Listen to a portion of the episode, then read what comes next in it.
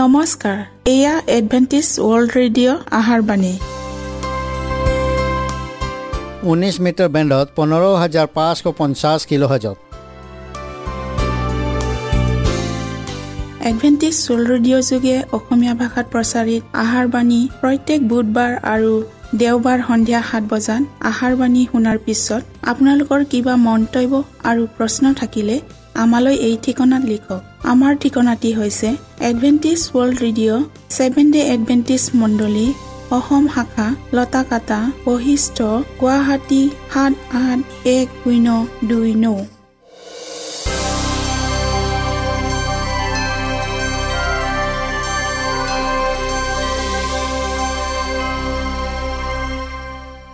প্ৰিয় শ্ৰোতা বন্ধুসকল এতিয়া শুনো আহক এটি খ্ৰীষ্টীয় ধৰ্মীয় গীত।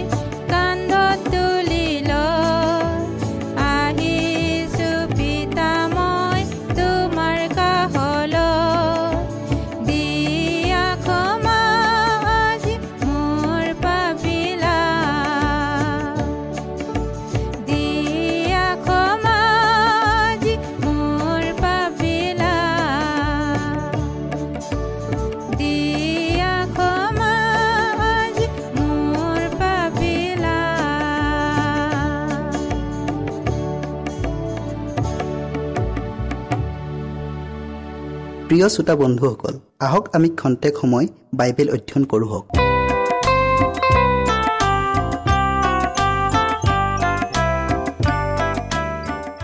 প্ৰিয় শ্ৰোতাসকল নমস্কাৰ।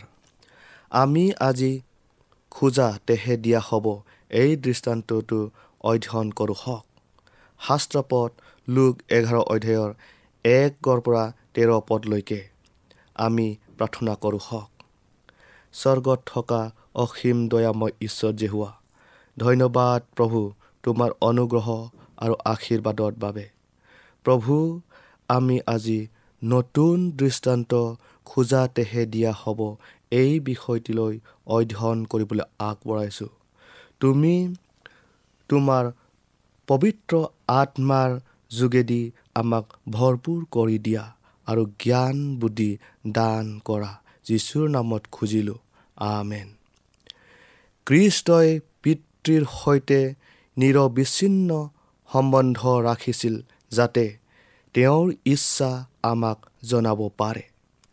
তেওঁ কৈছিল আৰু এই যি বাক্য তোমালোকে শুনিবলৈ পাইছা সি মোৰ নহয় কিন্তু মোক পঠোৱা পিতৃৰহে জোহন চৈধ্য অধ্যায়ৰ চৌব্বিছ পদ। মানুহৰ পুত্ৰই সেৱা শুশ্ৰূষা পাবলৈ নহয় সেৱা শুশ্ৰূষা কৰিবলৈ আহিছিল মঠি বিছ অধ্যায়ৰ ছাব্বিছ পদ।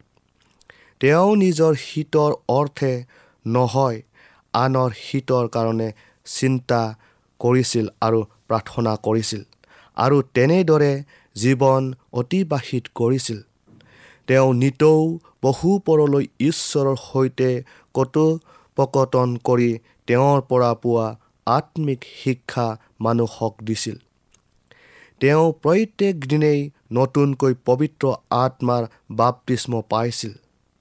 দৈনিক নতুন দিনৰ দুখ মোকালিত ঈশ্বৰে তেওঁ ক্লান্তিকৰ আৰু উৎপীড়িত ব্যক্তিবিলাকৰ আগত স্বৰ্গীয় বাণী শুনাবলৈ মনোনীত কৰিছিল।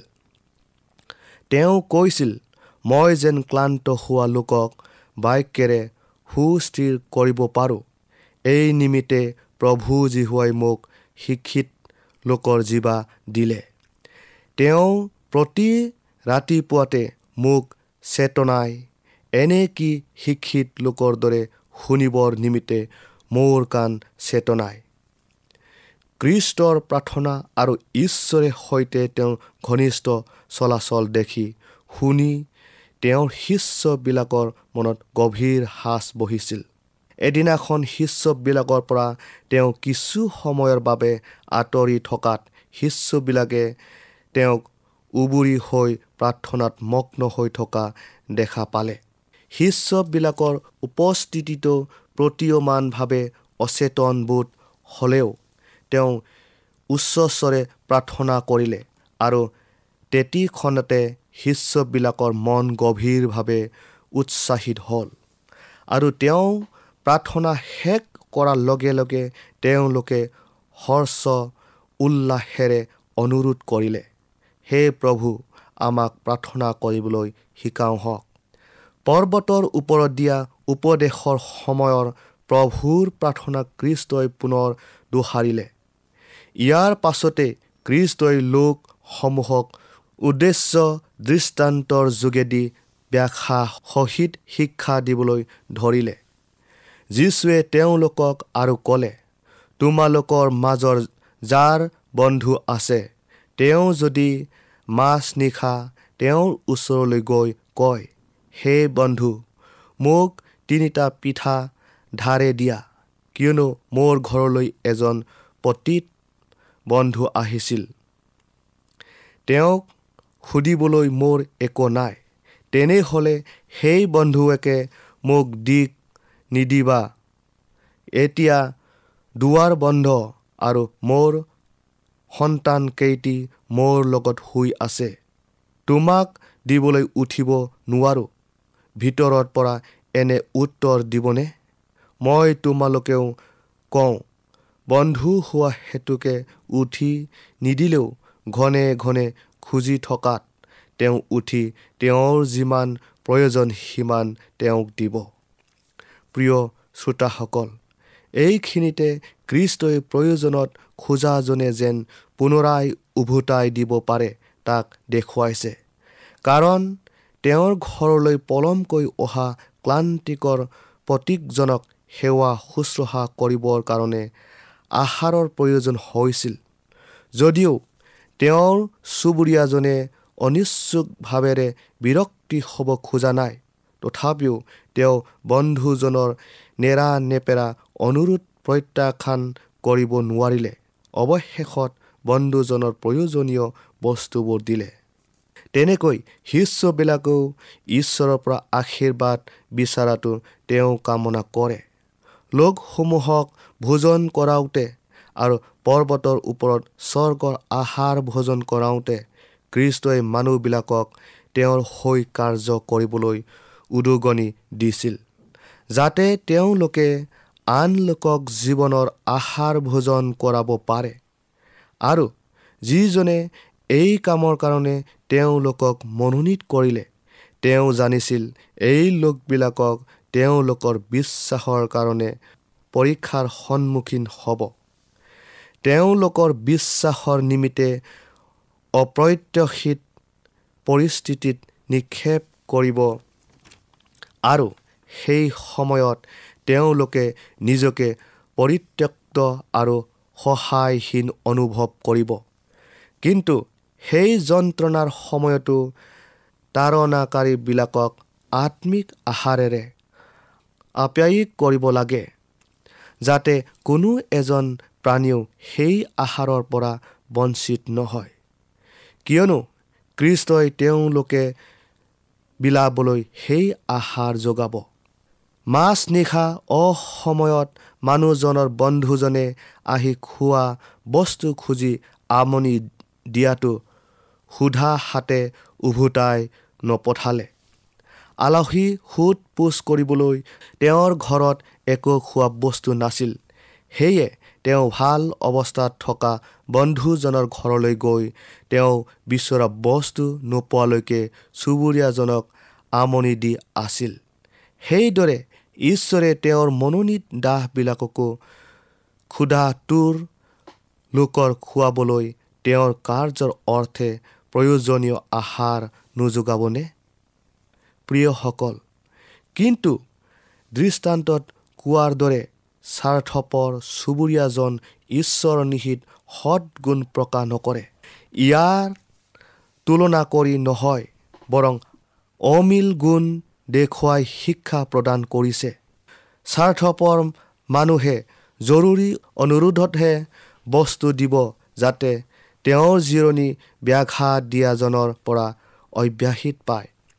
কিন্তু ঈশ্বৰে দান কৰি আনন্দ পায় তেওঁ দয়াৰে পৰিপূৰ্ণ আৰু বিশ্বাসে তেওঁৰ ওচৰলৈ আহি খোজাজনক নিৰাশ নকৰে। আমি তেওঁৰ দৰে হৈ আনৰ পৰিচৰ্যা কৰিবলৈ আমাৰ আৱশ্যকীয় আৱশ্যকীয় সকলো দিয়ে। কৃষ্টই কৈছে খোজা তেহে তোমালোকক দিয়া হ'ব। বিচাৰা তেহে পাবা। টুকুৰিওৱা তেহে তোমালোকৰ দুৱাৰ মুকলি কৰা হ'ব। কিয়নো যিয়ে খোজে সিয়ে পায়। যিয়ে বিচাৰে সিয়ে দেখা পায় আৰু যিয়ে ঠুকুৰিয়াই তেওঁলোকলৈ দুৱাৰ মুকলি কৰা হয়।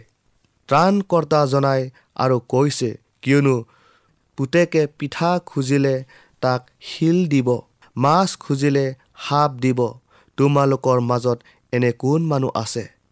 এই হেতুকে তোমালোকে দুৰ্জন হৈও নিজৰ সন্তানক যদি ভাল বস্তু দিব জানা তেন্তে তাতকৈও তোমালোকৰ স্বৰ্গত থকা পিতৃয়ে তেওঁত খোজাবিলাকক ভাল বস্তু নিদিবনে? ঈশ্বৰৰ প্ৰতি আমাৰ বিশ্বাস দৃঢ় হ'বৰ নিমিত্তে কৃষ্টই আমাক এটা নতুন নামেৰে তেওঁক সম্বোধন কৰিব দিছে। যি নামতো মানুহৰ হৃদয়ত অতি মৰমেৰে জড়িত হৈ আছে। অসীম অনন্ত ঈশ্বৰ জনাই তেওঁক আমাৰ পিতৃ বুলি মতাৰ অধিকাৰ প্ৰদান কৰিছে। তেওঁক এই নামৰ দ্বাৰাই আমি তেওঁৰ প্ৰতি থকা প্ৰেম আৰু বিশ্বাসৰ চিন প্ৰদৰ্শন কৰাৰ উপৰিও তেওঁ আমাৰ লগত আছে ইয়াক প্ৰকাশ কৰোঁ।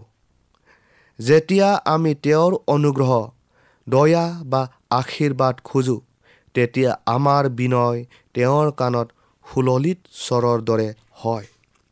তেওঁৰ এই মহান নাম আমি অনুমান কৰিহে সম্বোধন কৰিছোঁ।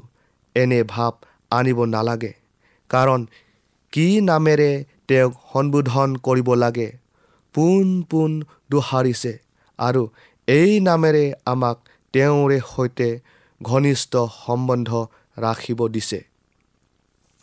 প্ৰিয় শ্ৰোতাসকল ঈশ্বৰে আমাক তেওঁৰ সন্তান বুলি বিশেষ লক্ষ্য ৰাখে। তেওঁ আমাক পতীত জগতৰ পৰা উদ্ধাৰ কৰি স্বৰ্গীয় ৰজাৰ সন্তান হৈ ৰাজ পৰিয়ালৰ সদস্য হ'বলৈ মনোনীত কৰিলে। সন্তান এজনে জাগতিক পিতৃৰ ওপৰত আশা ভৰসা কৰাৰ দৰে নহয় বৰং ইয়াতকৈও গভীৰ আৰু দৃঢ় আশা ভৰসা তেওঁৰ ওপৰত কৰিবলৈ আমাক আমন্ত্ৰণ কৰিলে। হয় পিতৃ মাতৃয়ে তেওঁলোকৰ সন্তানক মৰম চেনেহ কৰে কিন্তু ঈশ্বৰৰ প্ৰেম মানুহৰ প্ৰেমতকৈ অধিক মহৎ উদাৰ আৰু গভীৰ। এই প্ৰেম অপৰিমেয়। যদি জাগতিক পিতৃ মাতৃয়ে নিজৰ সন্তানক ভাল বস্তু দিব জানে তেন্তে আমাৰ স্বৰ্গীয় পিতৃয়ে পবিত্ৰ আত্মা খোজাবিলাকক অধিক পৰিমাণে নিদিবনে? খ্ৰীষ্টৰ প্ৰাৰ্থনাৰ বিষয়ে দিয়া শিক্ষা অতি মনোযোগেৰে গুৰুত্ব দিয়া আৱশ্যক। প্ৰাৰ্থনাতে এক ঐশ্বৰিক বিজ্ঞান নিষিদ্ধ হৈ আছে আৰু তেওঁ আমি সকলোৱে ইয়াৰ মৌলিক সত্য জ্ঞাত হোৱাৰ আৱশ্যক বোধ কৰি ব্যাখ্যা কৰি দেখুৱাইছে। প্ৰাৰ্থনাৰ প্ৰকৃত শক্তি কি তাক তেওঁ দেখুৱাইছে। ঈশ্বৰলৈ আমাৰ প্ৰাৰ্থনা জনোৱা সময়ত কেনে স্থিৰ প্ৰতিজ্ঞ হ'ব লাগে তাৰ আৱশ্যকতাও তেওঁ আমাক জনাইছে। আৰু আমাৰ প্ৰাৰ্থনা স্ব ইচ্ছাপূৰ্বক শুনি তাৰ উত্তৰ দিবলৈকো আমাক আশ্বাস দিছে। নিজৰ লাভ আৰু সুবিধা বিচাৰি কৰা স্বাৰ্থপৰ প্ৰাৰ্থনা আমাৰ হ'ব নালাগে। আমি আনক উপকাৰ কৰিব পাৰে বস্তুহে খুজিব লাগে। খ্ৰীষ্টৰ যি মৌলিক জীৱন সেয়া আমাৰ জীৱনত প্ৰকাশ হওক।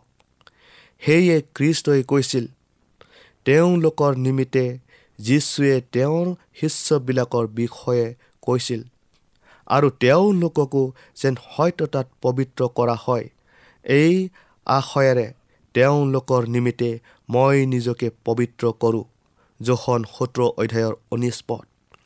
সেই একেই ভক্তি সেই একেই আত্মত্যাগ সেই একেই ঈশ্বৰৰ বাক্যৰ অধীন স্বীকাৰ কৰা খ্ৰীষ্টত প্ৰকাশ পাইছিল। সেই একেই ভাৱ তেওঁৰ দাহবিলাকত পৰীক্ষিত হওক। এই জগতত আমাৰ শুভবাৰ্তা অভিসান কাৰ্যত নিজৰ সুখ আনন্দ বিচাৰি নহয়। বৰং আমি ঈশ্বৰৰ সৈতে সহযোগ কৰাৰ দ্বাৰাই পাপীক উদ্ধাৰ কৰি তেওঁৰ নামৰ গৌৰৱ কৰোঁ হওক।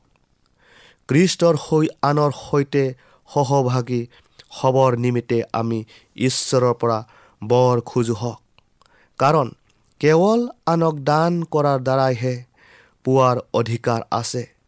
আমাৰ চাৰিওফালে বাস কৰা মানুহবিলাকৰ আগত ঈশ্বৰৰ বাক্য কোৱাৰ অবিহনে আমি স্বৰ্গীয় ঐশ্বৰ্য পোৱাৰ আশা কৰিব নোৱাৰোঁ। দৃষ্টান্তত থকা আবেদনকাৰীজনে তেওঁৰ উদ্দেশ্য সলনি নকৰি পোন পোন একেই দাবী দৰ্শাই থাকিল। সেইদৰে হয়তো আমাৰ প্ৰাৰ্থনাৰ উত্তৰ তৎক্ষণাত নাপাব পাৰোঁ কিন্তু খ্ৰীষ্টই শিকাইছে যে আমি যেন প্ৰাৰ্থনা কৰিবলৈ ক্ষান্ত নহওঁ। প্ৰাৰ্থনাই ঈশ্বৰৰ মন সলনি নকৰে কিন্তু ই ঈশ্বৰৰ সৈতে ঐক্যতা আনি দিয়ে। আমি যেতিয়া তেওঁক নিবেদন কৰোঁ আমাৰ অন্তৰ পৰীক্ষা কৰি পাপৰ কাৰণে অনুতাপ কৰা তেওঁ দেখিবলৈ পায়। সেয়ে তেওঁ আমাক ফান পৰীক্ষাৰ মাজেদিয়ে গমন কৰাই নিয়ে। আৰু পবিত্ৰ আত্মাৰ কাৰ্যত কিহে ব্যাঘাত জন্মাইছে তাক দৃষ্টিপাত কৰিবলৈ তেওঁ আমাক নম্ৰতা দান কৰিলে। ঈশ্বৰৰ প্ৰতিজ্ঞা সিদ্ধ কৰাৰ চৰ্থাৱলী আছে। যীশুৱে কৈছিল তোমালোকে যদি মোক প্ৰেম কৰা তেন্তে মোৰ আজ্ঞাবোৰ পালন কৰিবা। যিজনে মোৰ আজ্ঞা পাই পালন কৰে সেইজনে মোক প্ৰেম কৰে।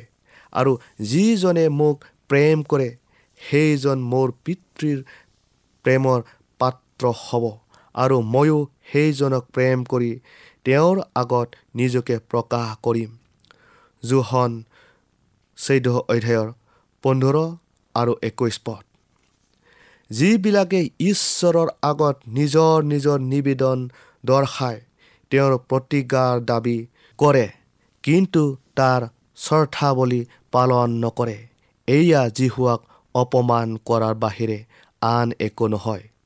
প্ৰতিজ্ঞা পূৰণৰ অৰ্থে খ্ৰীষ্টৰ নাম তেওঁলোকে নিজৰ অধীনত ৰাখে কিন্তু খ্ৰীষ্টৰ প্ৰতি থকা বিশ্বাস আৰু তেওঁৰ প্ৰতি প্ৰেম দেখুৱালৈ সেই চৰ্থাৱলীৰ একোকে নকৰে। প্ৰিয় শ্ৰোতাসকল আজি ইমানে। ইয়াৰ বাকী অংশ আমি অহা অনুষ্ঠানত শুনিবলৈ পাম হওক। ঈশ্বৰে আপোনালোকক আশীৰ্বাদ কৰক।